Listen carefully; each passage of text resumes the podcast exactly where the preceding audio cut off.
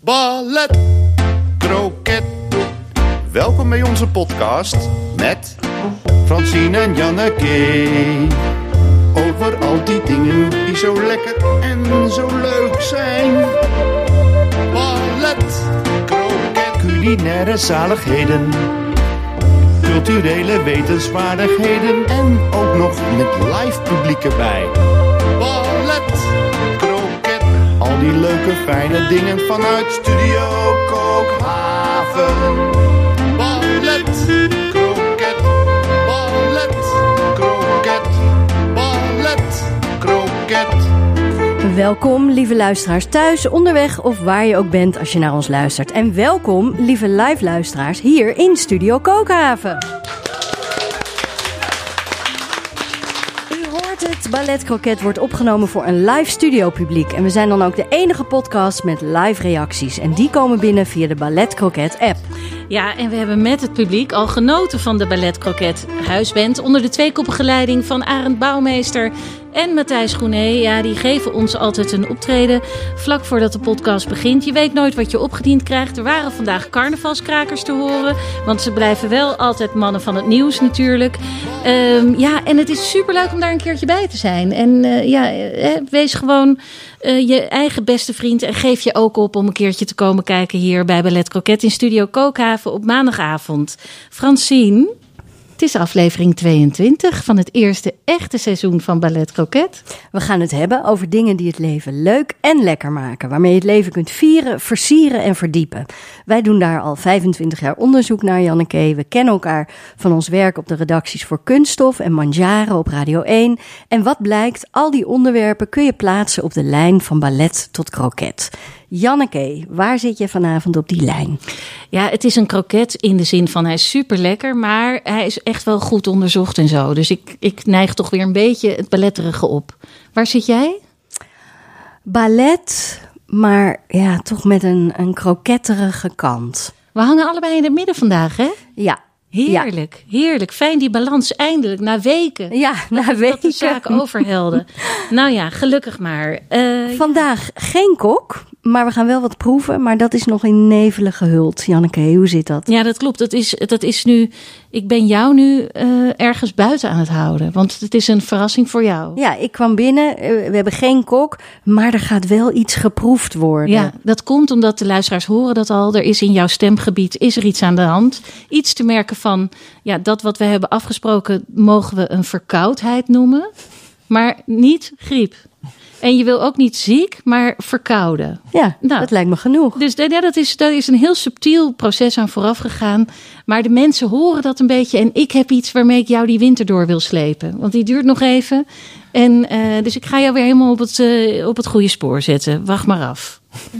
Ik wacht. Ja, maar we hebben nog meer, gelukkig. We hebben onze gidsen. Gidsen, dat ja, zijn mensen die voor ons het hele culinaire en culturele landschap afgrazen.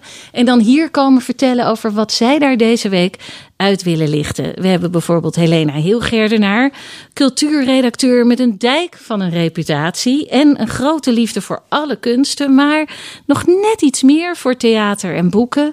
Eh, wordt het een van je twee grootste liefdes vanavond? Nee, het is eigenlijk schandalig. Elke keer word ik hier aangeprezen als een liefhebber van boeken en toneel. En dan kom ik weer aan met een eh cabaretière. Ja, maar dat lichte, Ja. dat kunnen we allemaal zo goed gebruiken. Ja, ik, ik verbaas mezelf enorm dit jaar. Ja. Ik word steeds lichter eigenlijk. Ja, of wordt cabaret steeds Ja, inhoudelijker? steeds inhoudelijker, gelaagder, spannender. Het is, het is, eh, het is weer echt om te smullen van. Oh, wat fijn. Ja, Nou. The Star is Born. A Star is Born.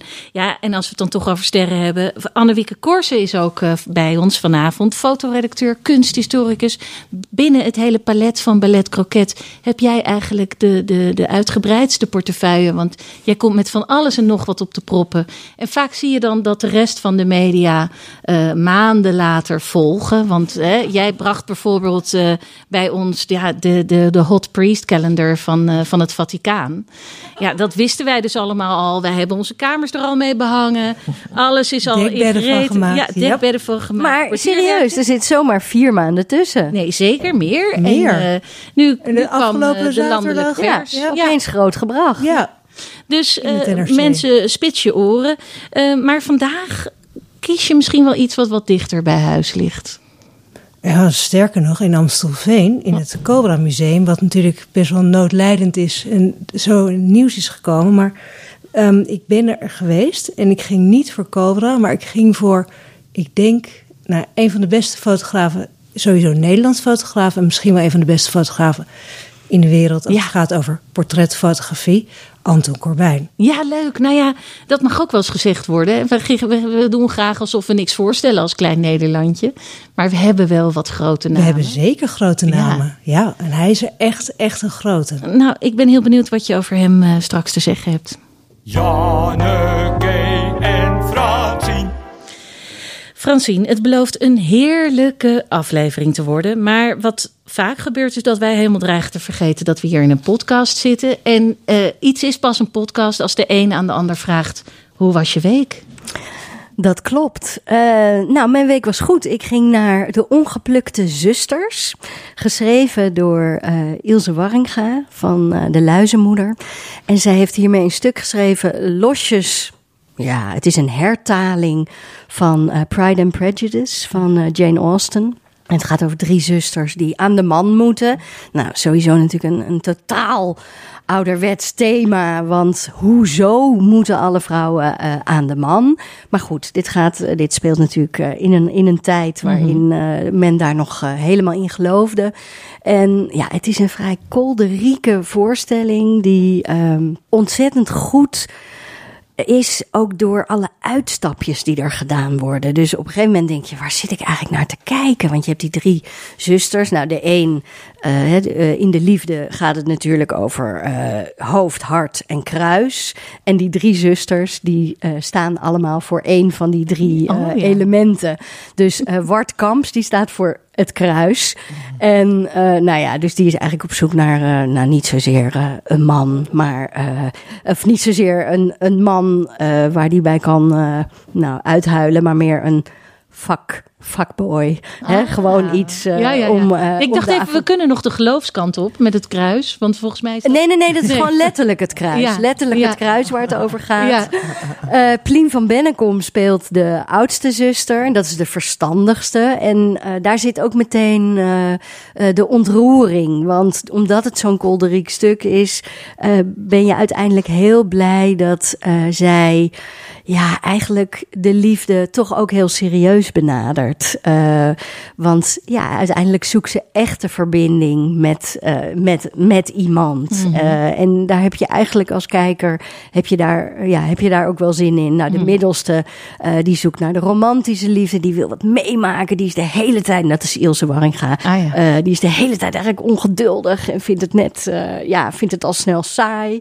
En stort um, zich natuurlijk in allerlei ongeluk dan. Allerlei ongeluk. Ja. Nou ja, het, er wordt in gezongen, er wordt in gedanst. Het is met Uh, ja, en ze is... doen een soort van, ze breken door het stuk heen. Ja, ze breken door het stuk heen. Dus uh, op een gegeven moment, eigenlijk op het moment dat je denkt, waar zit ik nou naar te kijken? Uh, stappen ze ja, stappen ze uh, uit hun rol en gaan ze commentaar geven op het script. Dus uh, Ilse Warringa, die het geschreven heeft, uh, die hoort de andere het commentaar op haar, haar stuk geven. En dus je zit als kijker, ja, je moet de hele tijd bijschakelen van wat, wat gebeurt hier nou eigenlijk. Maar daardoor krijg je heel veel ja, mogelijkheid ook om te denken, ja, wat vind ik er nou eigenlijk mm. van? Van het hele thema, van hoe het gebracht is is, van de, ja, eigenlijk de hele ontwikkeling. En het is dus en om te lachen. Er wordt heel mooi in gezongen. Dat vond ik heel opvallend. Uh, nou, er zit een ontzettend leuke rol in uh, van een soort uh, toxic mooi boy. Mm. Uh, nou, je weet natuurlijk uit Pride and Prejudice. Ja, maar, in Pride and Prejudice is het Mr. Darcy. Mr. Darcy. Ja. Um, nee, tuurlijk. Dus er, nou ja, er, er wordt ontzettend gespeeld met het originele stuk. Um, en ja, ja, er waren natuurlijk allerlei dingen schandalig in de tijd waar het boek vandaan komt. Uh, die nu uh, nou ja, een beetje belegen zijn. eh, Heel belegen. Op zijn best, maar zeker niet meer schandalig. Nee, En het gedrag onderling, van hoe je elkaar eindeloos aan een, aan een lijntje houdt. Of maar niet zegt wat je echt voelt. Of ja. veel. Wat En zaken als leeftijdsverschil tussen de seksen. Ah, ja. En eh, nou ja, zo'n moeder die dan ontzettend graag wil dat die dochters goed terechtkomen. ja. Nee, dat is ook totaal over de top, wordt dat, eh, wordt dat gespeeld. Maar, wat, wat, wat wel zo is, een klucht, want dat heeft, dit heeft dus Zeker, kluchtachtige zeker. Er aspecten. slaan nog net geen eh, eh, kartonnen deuren op het toneel, maar het is zeker kluchtig ook. Ja, maar dat moet als het, dat is eigenlijk alleen maar goed als het supergoed wordt uitgevoerd. Ja, dat wordt het. Het zijn gewoon echt wel eh, ja, vaklui die daar, eh, die daar staan op het toneel. En nou ja, ik, ik weet niet, heb jij het gezien, eh, Helena? Ja, was jij ook zo onder de indruk van deze Wart Kamps? Die de jongste zuster speelt. Oh nee, ik had het meer met de moeder. Die wordt gespeeld door ehm, Rob Verheijen. Ja. Die had ik nog nooit zien spelen. Dus ik dacht altijd, dus, oh ja, dat is die jongen met die haar omhoog. En, Ja. en meer dacht ik er eigenlijk niet bij. Ja. Maar die kan dus prachtig zingen. Ja. En die gaat dus van vrouwenrollen naar mannenrollen. Want het is ook, eh, hè, er zijn heel veel dubbelrollen. Dus het, eh, dat geeft ook dat kluchtige. ja. Maar die, die, die kan ontzettend veel. Ik heb toen ook wel genoten. Het is ook intens flauw. Maar eh, ja, Het is wel goed, goed gedaan. Ja, goed gedaan. Ja, Heel goed ja, gedaan. We hadden Ja. toevallig voor de opname nog bij het eten over, met de, toen we met de band gingen eten, hoe lekker eh, het theater van de lach ook kon zijn. eh, die, die kluchten vroeger als kind, die je op tv zag. Ja, als het supergoed gedaan wordt, dan laat maar knallen die deurtjes Ja, allemaal precies. open en dicht. En ik vond er dus een hele. Kijk, eh, Jane Austen is natuurlijk puur ballet.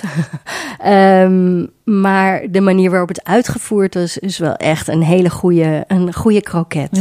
Ja, Ja. echt leuk, leuk. En Janneke? Ja, nou ja, eigenlijk sluit het een beetje aan. Want Jane Austen is natuurlijk ook een van die schrijfsters die eigenlijk het alledaagse eh, vrouwenleven, weliswaar van, een, hè, van eh, vrouwen van een zekere stand. Eh, maar goed, ineens, ineens gingen we personages zien die niet aan het vechten waren of eh riddertoernooien aan het doen waren of eh, veldslagen aan het leveren waren. Maar eh, gingen we het gewoon het alledaagse leven in. En eh, ik wil het hebben over een podcast. Mina en mevrouw heet die, gemaakt door Maartje Duin. Eh, zij is bekend van de podcast De Plantage van mijn voorouders. En daar hebben anderhalf miljoen mensen naar geluisterd. Dus waarschijnlijk hier ook het hele publiek eh, van Ballet Croquet. Een fantastische podcast waarin ze haar eigen adellijke familiegeschiedenis induikt. Op zoek naar een voor, voor moeder die ooit een aandeel heeft gehad in een, eh, in een plantage in, ehm, in eh, Suriname. En daardoor dus is die familie ja, in aanraking geweest met slavernij. En daar, eh, in die podcast eh, legt ze niet alleen haar familiegeschiedenis, maar ook die van Peggy Bauva, een van de nazaten van eh, ehm, tot slaafgemaakte op die plantage in Suriname. En zo gaan eigenlijk twee familiegeschiedenissen en twee families met elkaar een, ja, een zelfonderzoek doen naar ja, wat voor kanten zitten er allemaal aan bepaalde historische gebeurtenissen. Nou, slavernij is natuurlijk gewoon afschuwelijk geweest en daar, daar, is, daar valt vrij weinig aan te relativeren. Nee, maar daardoor Maar- extra spannend, toch? Ja, want de, de link naar dat je ineens voelt van ja, wat, wat eigenlijk iedereen altijd over dit soort dingen zegt: van het is lang geleden en het, nou ja, het waren misschien mijn voorouders of niet die van mij, maar alleen maar die van de buren. Maar eh, je merkt eigenlijk dat als je wordt aangesproken op iets van je voorvaderen, ook al, ook al heb je ze nooit ge- gekend, dat het je toch raakt, dat het toch iets met je doet. En dat gegeven zit ook weer in deze podcast. Al is dit een heel ander, is, ja, wordt hier een andere zaak eigenlijk eh, aan de kaak gesteld. En dan gaat het eigenlijk over het feodalisme. En hoe in Maartjes familie de, dat, dat de, neergang van dat systeem, waarin je eigenlijk een ja, iemand van adel hebt, een graaf. En, en daar, die heeft pachters, die heeft grote landerijen. Dat is allemaal bezit. En dat wordt gepacht door pachters. En ja, die, die eh, moeten geld betalen aan, aan, de, aan de heer, aan de graaf in dit geval. En, eh, en op zo'n, ja, het is een beetje Downton Abbey. Op zo'n landgoed werkt ook heel veel personeel. En die mevrouw en Mina, dat is de overgrootmoeder van Maartje. Dat is de mevrouw. En eh, Mina is de dienstmeid. Die, waarmee die mevrouw een hele innige relatie heeft gehad. Die zijn altijd eh, in, latere, in latere jaren, toen eigenlijk al dat personeel al was verdwenen. Omdat, ja, er gebeurde nogal wat. En vermogens verdampte. En eh, ja, dat adellijke leven was niet meer in die zin eh, op te houden. Ehm, eh, maar die Mina die bleef altijd. Tot, dat was de enige bediende die nog overbleef. En het werd een soort gezelschapsdame, een soort hofdame. Maar wa- waren ze vrienden? Ze waren, nou dat is dus de vraag. Wat was nou echt de relatie van deze Mina en mevrouw? Mina was wel 25 jaar jonger dan mevrouw. Ehm, eh, ze- dus de, die mevrouw zelf, de, de grootmama, zo werd ze dan genoemd. Dus, dus eigenlijk chic. haar overgrootmoeder. Maar het Maartje heeft het tijd over grootmama. Grootmama en grootpapa. Ja, dat hele adellijke accent, dat is ook zo grappig. Vooral ook omdat het een beetje in die familie... eh, ze hebben ook veel... eh, ze zitten ook veel in Zuid-Holland. En ik op een of andere manier... Ja, Zuid-Hollandse accenten van adel vind ik de lekkerste accenten die er zijn. Want dan heb je een soort van, ja, dat beetje dat van, hallo, hier ben ik, ik kom even vertellen hoe het zit. Maar ook nog met dat, ja, dat Rotterdamse, dat van de, van hup, we aanpakken en we gaan ervoor. Ja, ik, hou er, kan er heel erg van genieten. Dus dat, dat is voor liefhebbers van, van deze accenten, is het alleen al een reden om te luisteren. De moeder van Maartje is ook een fantastisch personage. Die zat ook al in de vorige podcast trouwens. Ja, heel erg eh, prettig mens, omdat ze eh, van haar hart eigenlijk geen moordkuil maakt. Hoewel dat natuurlijk in dit soort families wel een beetje gangbaar is. Dus je gaat, ja, je gaat toch op zoek, je gaat, je gaat vragen stellen waarvan eigenlijk al die mensen in die familie zijn opgevoed om ze niet te beantwoorden. Je laat natuurlijk heel veel weg eigenlijk in, eh, in verhalen. Maar ze gaat ook de familie van Mina eh, onderzoeken. En om erachter te komen van, ja, wacht eens even. Want mevrouw zei altijd dat Mina als een dochter voor haar was.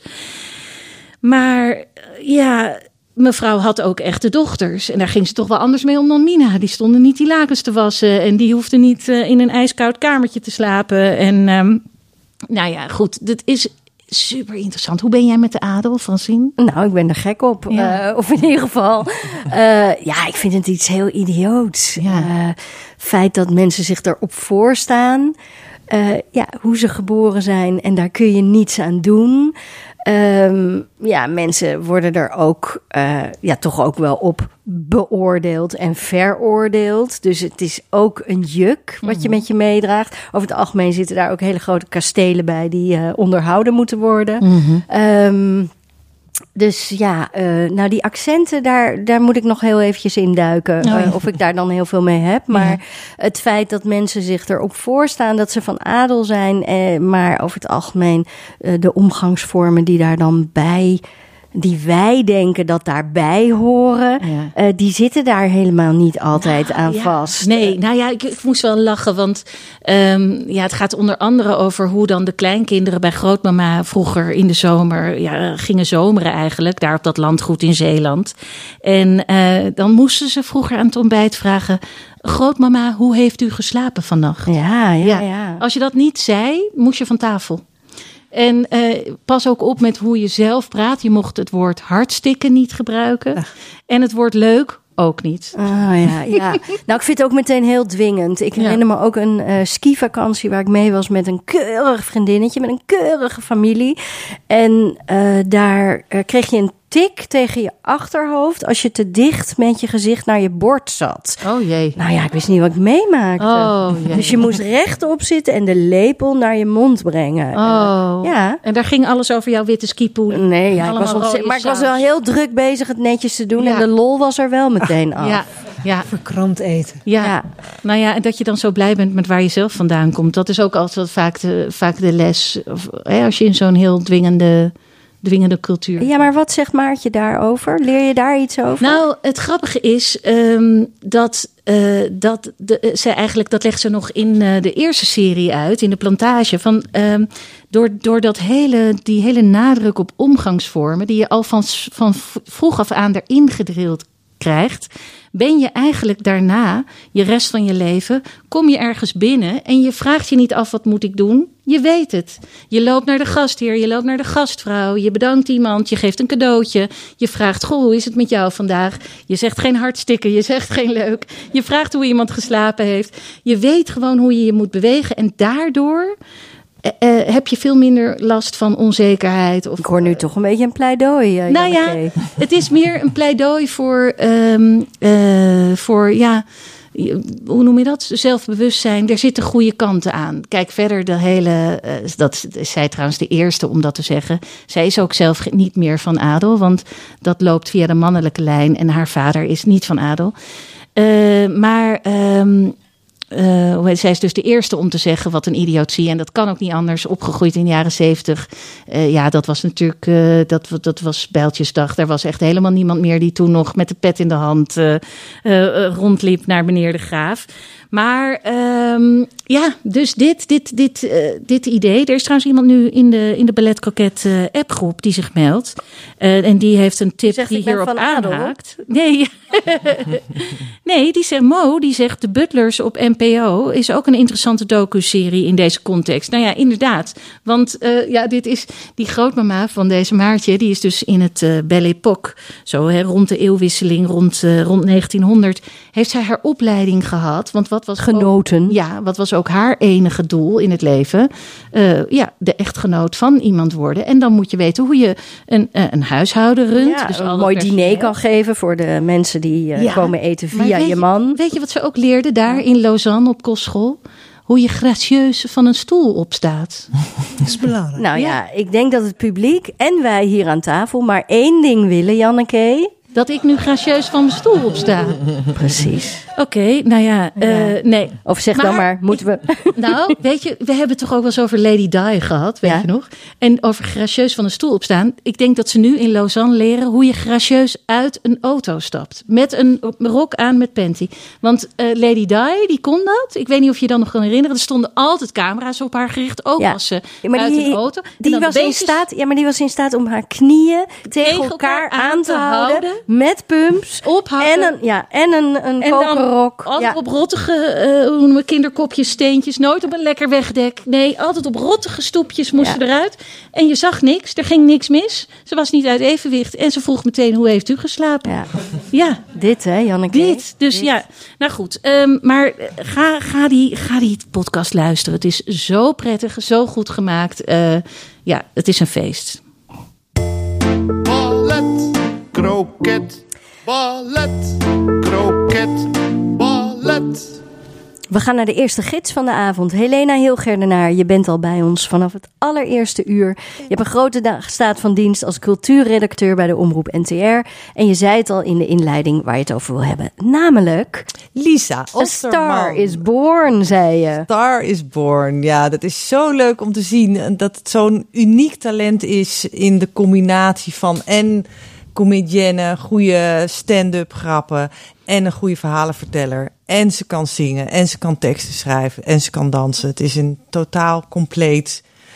Je moet denken aan ehm, ja, vrouwelijke comedienne à la Brigitte Kaandorp. Die zichzelf belachelijk durft te maken en de lulligheid van het leven aankaart. Maar dan in de vorm van een 32-jarige bloedmooie, eh, dansende, rappende vrouw met wapperende blonde haren.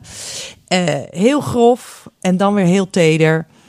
Nou ja, ze heeft het gewoon allemaal in huis. En ja, ik ben niet de enige. De kranten waren ook allemaal eh, laaiend. Vijf sterren overal. Ze heeft uitverkochte zalen. Ze vertelde me dat ze bij allerlei zalen nu van de kleine zaal naar de grote zaal is gepromoveerd. Dus ja, en, en de mensen om haar heen, zij is zelf heel bescheiden, maar de mensen om haar heen zeggen, ja, dit is over tien jaar eh, staat zij in carré. Wat- het is gewoon de leuk om bij zo'n begin Ja. van, van zo'n carrière. En nou, haar eerste show heb ik niet gezien, maar daar heeft ze dus, heeft dus eh, Leids Cabaret Festival, heeft ze alle prijzen, juryprijs, publieksprijs, bla bla bla.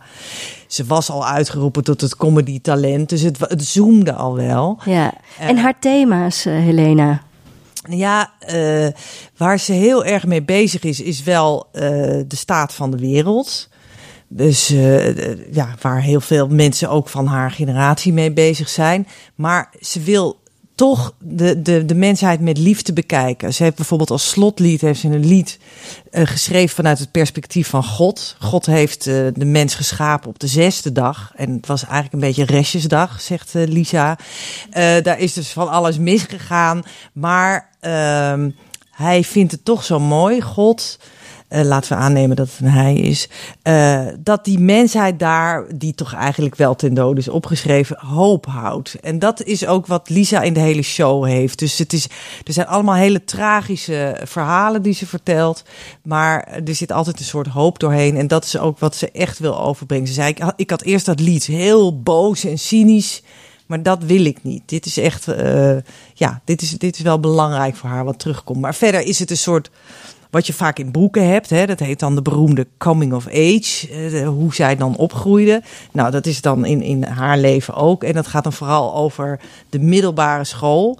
Want zij was gewoon een lelijk eentje. Ze had een beugel, ze zat op het gymnasium, ze haalde alleen maar tienen. Nou, daar word je dus helemaal niet populair mee.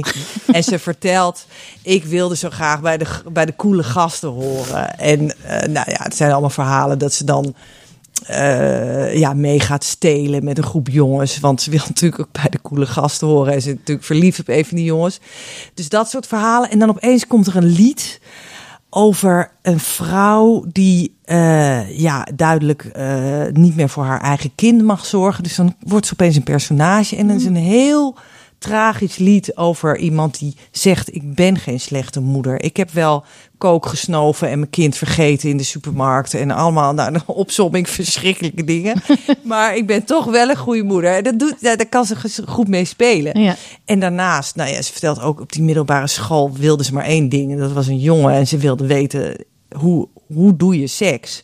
En eh, gaat ze alle R&B-nummers gaat ze, ging ze analyseren van dat ze daar misschien vertellen hoe je dat moet doen. Maar dat, nou, dan gaat ze al die nummers nadoen. Want ze is dus, je moet je voorstellen, ze heeft conservatorium gedaan, ze heeft toneelschool gedaan, ze kan zingen als een gek. Ze kan gewoon alles eigenlijk. En gaat daar een R&B-nummer zingen. Eh, ja, zo ontzettend goed. Ja. Dus het, het gaat alle kanten op. Ze speelt dan weer God en dan weer een, een, een zielige moeder... en dan weer een, een, een R&B-rapper of Je, zanger. je zou En eigenlijk ze- ze- zeggen, geen wonder dat zij zo eh, zulke volle zalen trekt en zo'n grote. Nee, grote nee, dit gaat echt als een lopend vuurtje. Ja. En wat zo leuk is om te zien, is dat zij dus nu ook zelf echt heel cool is geworden. Zij is gewoon heel cool op dat toneel. Ze haalt een hele mooie jongen uit het, uit het publiek. Die laat ze daar zo zitten op een bankje. En die, ja, die gaat ze gewoon ook wel een beetje belachelijk maken. Dus ga niet op de eerste rij zitten. Oké, Maar Als je een eh, mooie jongen bent. Ja, Ja. maar dat is een soort. eh, ja, en dan merk je ook als je in interviews en zo, dan is eigenlijk best wel weer dat verlegen meisje. Maar op, op het toneel is gewoon helemaal, dat is haar plek. nou wel, dat ze- Helemaal wel thuis. dat ze er gekomen is. Want het was niet zo dat zij op de toneelschool al gold als het grote talent wat het helemaal gaat maken. Nee, ze is helemaal afgebrand. Ik denk dat ze daar nog wel eens een hele show over gaat maken. Ze heeft vier gruwelijke jaren gehad op de Amsterdamse toneelschool. Want ze had dus eerst die conservatorium musicalopleiding. Ze kwam elke dag op hoge hakken, helemaal vol in de make-up. En ze dacht, ik ga hier gewoon even nog wat acteerlesjes nemen. En dan, maar ja, wat gebeurt daar? Ze branden je gewoon helemaal af. En je moet van nul af aan beginnen. Dus eh, kom jij maar eerst gewoon met je haar in in een paardenstaart en op een paar gimpen. En dan... eh, ja, weet je wel, het is zo'n andere mentaliteit. Eh, ze is eindeloos moest ze dan weer. ehm, ja, we weten niet of je kan blijven. Ja. En dan moest ze weer in een, een kamer en weer wachten. Nou, ik heb haar gesproken en ik zei: Jij bent gemarteld. Ja. Echt, mentaal is zij helemaal door de mangel gehaald op die school. En, Na die hele jeugd met die beugel en alles. Nee, daar En komt gewoon. Ik, ik, ik voorzie een derde programma dat Ja. ze helemaal uit de kast komt en alles gaat vertellen wat haar is aangedaan. Maar ze heeft wel daardoor een soort van: oké, ik, ik moet het gewoon echt helemaal zelf doen. Jullie geloven allemaal niet in mij. Eh, jullie wilden me continu elk jaar wegsturen. Maar en dan zie ik ze dus ook.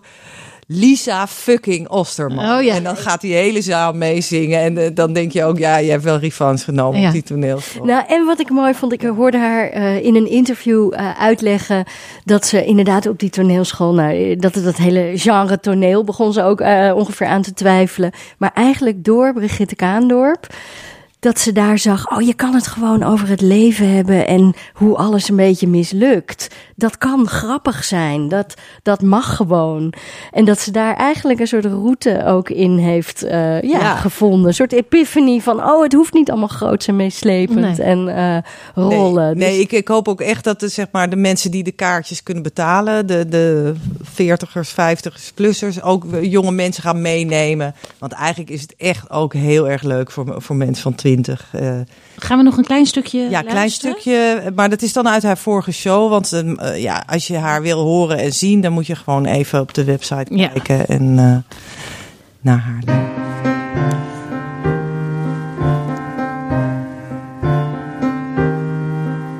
Ze zei de tijd heelt alle wonden, maar wat blijft er dan over? Ze zeiden kom tot jezelf, bij wie was ik dan al die tijd? Ze zeiden bid tot iets, maar ik ben geen gelover. Ze zeiden koester wat geweest is, ik herinner me spijt. Ze zeiden pluk de dag, ik wilde ze slaan. Ze zeiden grijp elke kans, maar ik zag er nog geen.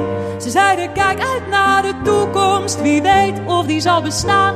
Ze zeiden heb lief, maar dat kan niet alleen. God is dood, ik ben op een derde.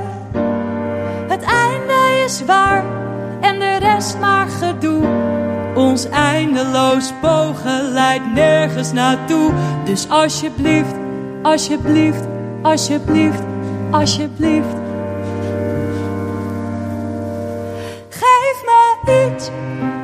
Het hoeft niet waar te zijn. Geef me iets. Om nog niet klaar te zijn.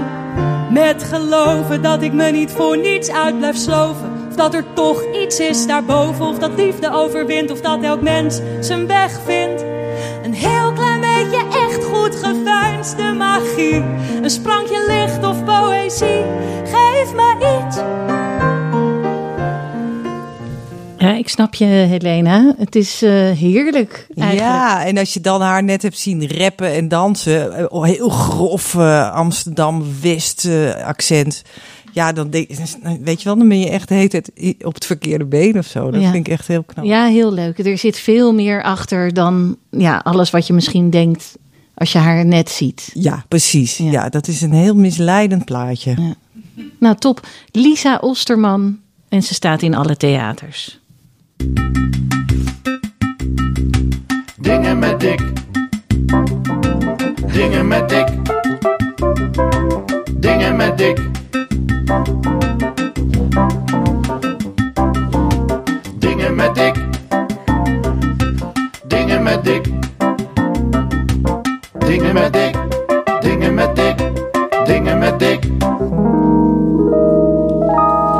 Ja, gewapend met leesbril en een heel, heel pak research eh, teruggebracht tot één briefkaart, is Dick Verweda aangeschoven. Want het is tijd voor reclame, evidence- en research-based reclame. Met af en toe een maatschappijkritische noot, want zo zijn we bij Ballet Croquet. Een onafhankelijke podcast die mede mogelijk wordt gemaakt door de sponsoring van een paar fantastische merken. Toch, Dick, daar kunnen we niet onderuit. Eh, welk merk beginnen we mee? Eh, het, het huwelijk tussen, tussen Hermit Gin en Fever Tree Tonic. Oh ja, die zijn echt En- met elkaar en- getrouwd eigenlijk. Nou, eigenlijk wel. Ja. Ja. En, wij, en wij laten bij binnenkomst de, de mensen altijd de Perfect Surf proeven. Die bestaat uit, uit de Mediterranean Tonic en dan eh, met een eh, mooie scheut eh, gin. Hè. Want Jullie hebben wat extra, wegens de ziekte heb ik jullie iets extra toegediend. En Ja, voelt je al een stuk beter, verkoudheid, mij. verkoudheid, Dick. Maar in ieder geval, ja, verkoudheid. Geen ziektes. Levert dat een eh, 99% glimlach op. En dat zie ik ook weer aan de overkant van de tafel ja. ontstaan. Maar de jongens van, van, van Hermit hebben natuurlijk niet stilgezeten. En in dat goe- goede huwelijk hebben ze ook een first love. Wat krijgen we nou? Ja, nou, Ja, maar wacht even. ja, een first love eh, gin en tonic gemaakt. En die wordt dan gemaakt met En dan, dan, dan, heb ik die bril op. Ja. En dat is dan toch hier, eh, niet echt veel licht. Nee, we doen met weinig licht. Het is een candlelight Maar, podcast. maar eh, we houden het eerst even bij de naam. de Ja. First Love. En we hebben de Salty Clementine. Ja. En we hebben de Natural Beauty. En dat zijn dus vier gin tonics gemaakt met dan wel verschillende eh de Fever Tree tonics. Waar de First Love eh, eh, eh, even, even afgemaakt wordt met een eh, prachtige Fever Tree... Nou, eh, eh, word je nou bevangen door Ja. de emoties, Dick? Ja, ik Ja. kan het me wel voorstellen. Aromatic. hoor. Aromatic. Ja. En, en dan hebben we de Clementine, dat, dat, dat zegt al genoeg natuurlijk. Dat is een tonic gemaakt met de mandarijn. Ja, En we hebben nog de Natural Beauty met een eh, tonic light versie van de Fever Tree.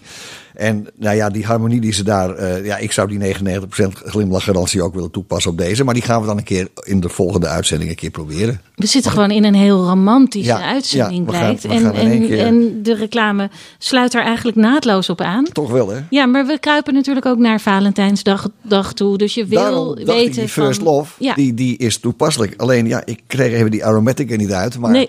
Maar nu we hem dan toch hebben, en hij heeft nog een roze ook, hè? Hij Ja. heeft nog een roze. Ro- dus dat is, dat is voor het vriendinnetje natuurlijk leuk. Voor, Ja. de, voor de man die dan dat eh, wil verrassen. Ja, of de vrouw. Op die manier, ja. Hè? Eh, ja, dat is toch vaak... En ja. trouwens, eh, wie je ook wil verrassen met wat voor een Oh ja, ook dan ook. Ja, Ja, ja, toch wel. Ja, ja.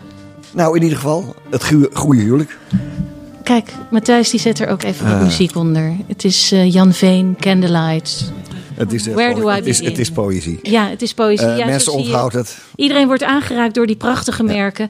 En door jou natuurlijk, van, van de kookhaven. Ja, de kookhaven mogen we natuurlijk niet vergeten, maar die wordt ook al genoemd. Ja. En eh, we hebben natuurlijk ook veel plezier en genoegen zijn we hier altijd samen. En eh, ik zou zeggen tegen iedereen, kom maandag op de maandag een keer kennis maken. Ja. En dan eh, kan je de uitwerking uiteindelijk zelf eh, merken. Precies, kom maar gewoon kijken hier op maandag. Dik is er altijd. Ja. Je kan meteen zaken doen. Eh, misschien wil je hier zelf een feestje geven. Zoek het allemaal lekker uit. En eh, de, de meer informatie hierover vind je op kookhaven.nl. Ehm, en Gal en Gal heeft, eh, heeft die fantastische Hermit Gin. Want dat willen de mensen weten Dat natuurlijk. is hè? uiteindelijk eh, de Waar bedoeling. haal ik die gin? Ja, en, Ja. ja. ze kunnen ook hier komen en het hier halen. Dat is Ja. allemaal weer makkelijk. Eigenlijk leiden alle wegen op dit moment naar de kookhaven. Ja, dus is een mensen. soort epicentrum. Ja, nou ja, Ja, dat, doe, het, eh, doe, het, maar- doe het er maar mee. Jij wil je telefoon terug. Ja, ik wil mijn telefoon terug, anders word ik heel zenuwachtig. Ik bedoel, Valentijnsdag komt Ja, eraan en je eraan, weet nooit wat je allemaal mist. Ja, het is nu zaak om eh, bij de les te blijven. Dankjewel, Dick. Ja, dankjewel. Dingen met Dick, dingen met Dick, dingen met Dick.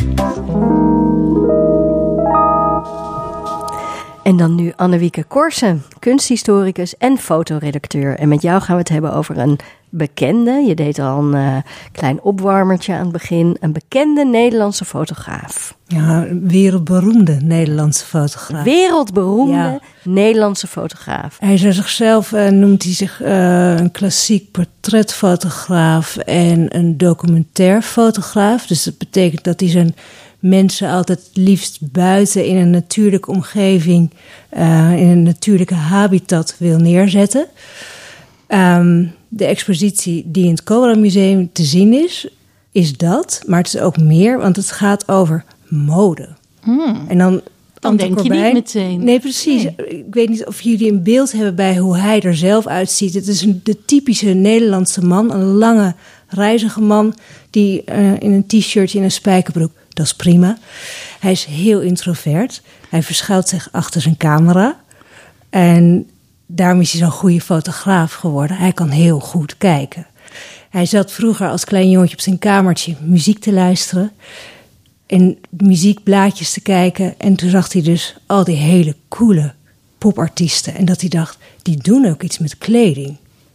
Maar wat zij doen, dat zou ik ook kunnen doen. En zo is eigenlijk ehm, de liefde voor eh, de, muziek en voor mode Samen samen gegaan. En daar gaat eigenlijk deze expositie over. Die heet Mood Mode. En daar zie je alles wat aan mode gerelateerd is. En foto's die hij heeft gemaakt, die hangen daar. Ja. Eh, en dan kun je denken aan portretten van bekende modeontwerpers. Maar het gaat ook over eh, de supermodellen, die hangen er bijvoorbeeld ook. Maar wat hij doet, supermodellen die zijn ontdaan van, van al hun kleding bijna. Ze zijn, ze zijn geportretteerd als echte mensen. Oh, ja. Weliswaar nog steeds hele mooie mensen. Maar ontdaan van alle glamour. Ontdaan van alle glamour, gewoon in zwart-wit. Want Ante Corbijn staat bekend natuurlijk om zijn signatuur is het zwart-wit. Het hoge contrast, de korreligheid. Maar het is ook heel scherp. En hij ziet mensen, hij ziet ze echt. En hij is natuurlijk vooral bekend van, van U2, Depeche Mode... waar hij jarenlang mee heeft samengewerkt. Maar wat hij heel goed kan, is al die popsterren hebben enorme ego's. Ze ontdoen van die ego's, maar als mens daar neerzetten. En ik vind hem helemaal briljant als hij een, een groep, de band. doet- Een groepsfoto is bijna onmogelijk. Denk aan, aan de klassenfoto of zo'n zo'n knullige voetbalfoto. Weet je, dat iemand nog op de grond voor moet liggen om een beetje dat Speelsheid te speelsheid erin te krijgen. En dan heb je een band, een groep. En dat zijn allemaal ego's. En die willen eigenlijk allemaal op de voorgrond. En hij weet ze zo te, in compositie te maken dat het. Nou, ik zou zeggen, Toch nog interessant is om naar het te is kijken. super interessant. Ja. Je ziet mensen. Mm. En ik denk dat hij ook een heel. eh, Als, zelf als mens heel eh, innemend is. Er hangt bijvoorbeeld een portret van Annie Lennox, de, de zangeres van Eurythmics. En die kijkt naar hem en dat ik bijna denk, zou ze een beetje verliefd op hem zijn? het is, het, van, het- nou, je, kan, je kan er bijna een verhaal bij bedenken van, wat, wat gebeurt hier? Uiteindelijk is dat toch wat er eh, bij een goede fotograaf of fotografen gebeurt. Dat er echt contact wordt Ja. gemaakt. Eh, Zeker. en ja, ik Maar- geloof, geloof inderdaad dat hij een hele innemende eh, figuur is. Die zich helemaal concentreert op zijn onderwerp. Eh, en er bestaat verder niets meer. Dus iedereen heeft ook het gevoel van hij kijkt alleen naar mij. Ja, hij, hij ziet mij, wie ik echt Ja. ben of zo. Ja, Dus want dat, hoe, hoe krijg je die ego zover dat ze zich daarvan laten ontdoen? Dat is het mysterie, denk ik, van, van, van de meester. Dat, dat, ja, ik, ik denk dat het is, hij kan mensen echt zien wie ze zijn. En ik denk dat hij op een bepaalde manier ze zo op een gemak kan stellen. Dat, dat hij heeft denk ik zelf niet een heel groot ego. Dat maakt het denk ik al een stuk makkelijker om. En ja, de- ik, ik weet niet wat, wat hij precies... Ik bedoel, als ik dat zou weten, zou ik het ook kunnen. Maar helaas, Nee, helaas. helaas. En het Cobra Museum, je zei al, ze verkeren in eh, zwaar weer, hebben, hebben verkeerd, maar ze zijn er nog. Ze zijn er nog, Ja. gelukkig. Hebben Eh, ze deze expositie. Ja, dat ook toen ik binnenkwam, dat ze bij de balie zei... je komt zeker voor Anton. Bijna teleurgesteld. ah, er komt Maar- niemand meer voor de vaste collectie. Nee, lijkt het. Maar misschien omdat mensen dus gaan kijken naar de fotografie van Anton Corbijn... dat ze dus ook de moeite nemen om... want Cobra is natuurlijk ook best wel een interessante stroming Mhm. binnen de kunstgeschiedenis. Ja, dus daar kun je ook gewoon met goed fatsoen heus wel even heus wel even een blik op Ja, werpen. nou, ze zullen niet weten wat ze meemaken na deze gloedvolle bespreking in Ballet Croquet. En er hangt ook kleurfotografie. Van Anton van Corbijn. Anton Corbijn. Dat is ook best interessant. En Ja. je, als je, nou, ik zou zeggen, ga kijken en dan snap je ook waarom dat een kleur is. Oké, want dat doet hij niet zomaar. Nee. Maar ver- eh, ligt er Nou, zo'n klein tipje Eh, de omdat hij werkt eigenlijk altijd zwart-wit. Ja. Dat, dat is zijn, zijn manier van werken. En met dat zwart-wit kan hij alles... Je hebt geen kleur nodig om, om de invulling... Dat zwart-wit is sterker dan kleur. Alleen die paar kleurenfoto's die daar hangen... Dat gaat... Dat kan alleen maar iemand met bijvoorbeeld rood haar. En dan de omgeving die dan dat rode haar versterkt. Dat, dat had niet gewerkt Nee. in zwart-wit. Dan Nee. was het een, nou ja, ik wou niet zeggen een foto van niks geweest, maar het blijft Anton Corbijn. Maar dan was het een minder interessante foto geweest. En juist door die kleur gebeurt er iets. Ja, ja, ja. Dus als die kleur gebruikt, dan, dan heeft het meteen zin. Ja, tenminste, vind ik. Ja. Hij, hij ook. Maar, Ja. en, en de mode is dus bijna ondergeschikt kind, want het gaat om, hij heeft personages. Hij Mm. zet mensen neer die toevallig heel cool zijn of zichzelf zijn en die dragen kleding. En daarom zou je die kleding eigenlijk ook willen. Het is dus niet het, de model die dan als een kleerhanger fungeert, maar het gaat eigenlijk meer om de mensen die toevallig kleding dragen. Het is net het omgekeerde van wat een, een standaard modefoto doet. Dan gaat het natuurlijk om de kleding Mhm. die toevallig door een model wordt gedragen. Ja. Dus ehm, Nou, leuk hè, dat toch zo'n zo'n hele schuchtere jongeman eh Nou. de wereld veroverd en heeft. hij is al best wel oud. Ja, Dat had ik me helemaal niet zo gerealiseerd. nou, hij wordt volgend jaar 70. Hè? Ja. Oh, nou, daar schrik ik ook van. Ja, precies. Zo- Zo'n leeftijdsloos iemand of. Anton, what happened? Oh, ja, what happened? Ja, Dus, oké. Nou ja, daar gaat weer een schip voorbij, jongens. Eh, zo zie je, zo, daarom snap je nu waarom je goed op je telefoon moet letten. Hè? Je weet nooit wie er kan bellen. En ehm, ja, je moet geen, eh, geen kansen meer laten gaan. Daarvoor is het te laat. maar naar het Cobra Museum kunnen we dus allemaal. zeker. En het is volgens mij nog tot en met mei, eind mei. En het is ook hartstikke leuk voor jonge mensen. Die gaan misschien minder snel naar een museum, maar omdat er best wel veel bekende gezichten te zien zijn, dat je denkt: hé, hey, dat is toch Beyoncé? Hé, hey, dat is toch Martin Garrix? Hé, hey, nou ja, eh, Nirvana. Nu heb je een paar dingen gezegd. Nu kunnen al die jonge al die jonge lui. kunnen gaan. En naar mooie mensen kun je ook nog kijken. Ja, en nu we het toch over acts van wereldformaat hebben.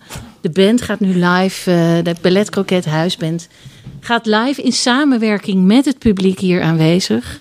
Het nummer Wie is de kok? te bergen. 1, 2, 3, 4. Hey! Wie is de kok? Laat mij eens spreken met de chef. Waar is de kok gebleven, chef? Waar ben je nu? Eh, spreken met de chef. Wie is de kok? Nou, geweldig. Live hier in Ballet Croquet. De bumper gewoon live ten gehore gebracht. Echt idioot mooi. Ja.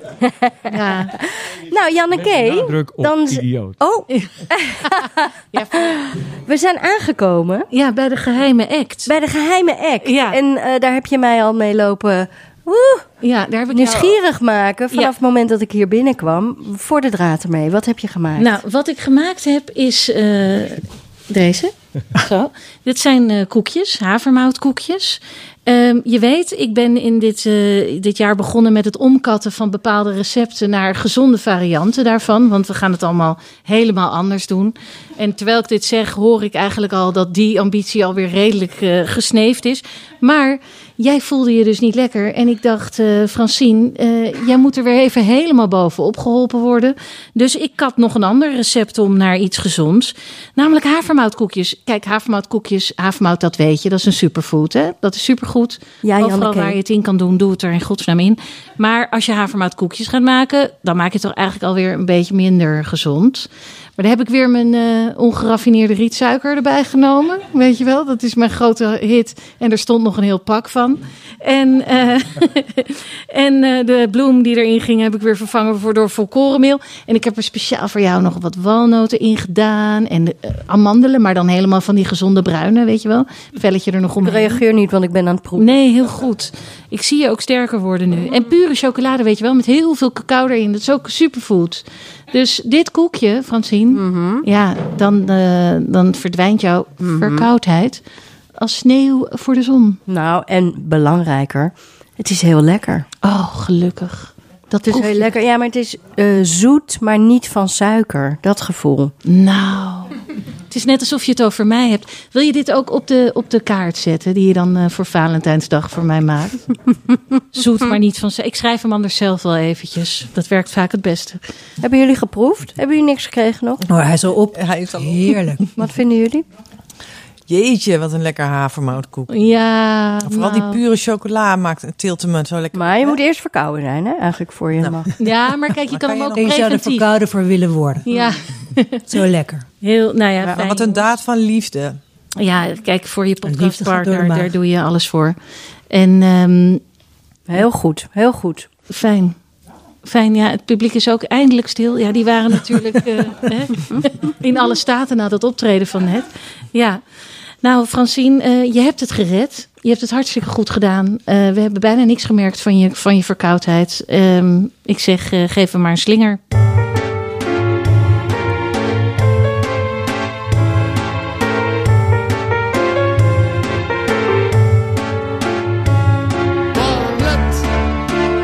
Dit was aflevering 22 van Ballet Croquet. We danken onze gasten Helena Heelgerdenaar en Annewieke Korsen. Grote dank en een extra groot hartje aan de Ballet Croquet Huisband onder de tweekoppige leiding van Arend Bouwmeester en Matthijs Groenee.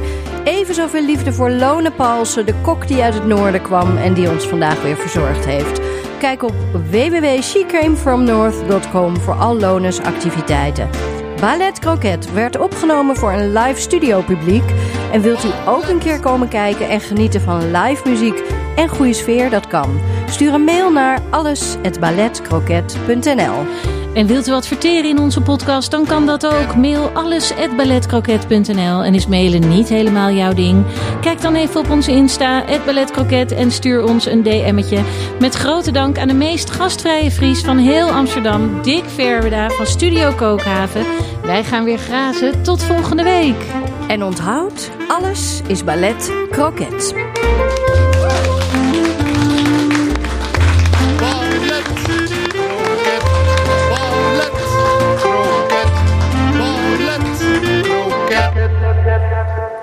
Zo, nu een kroket.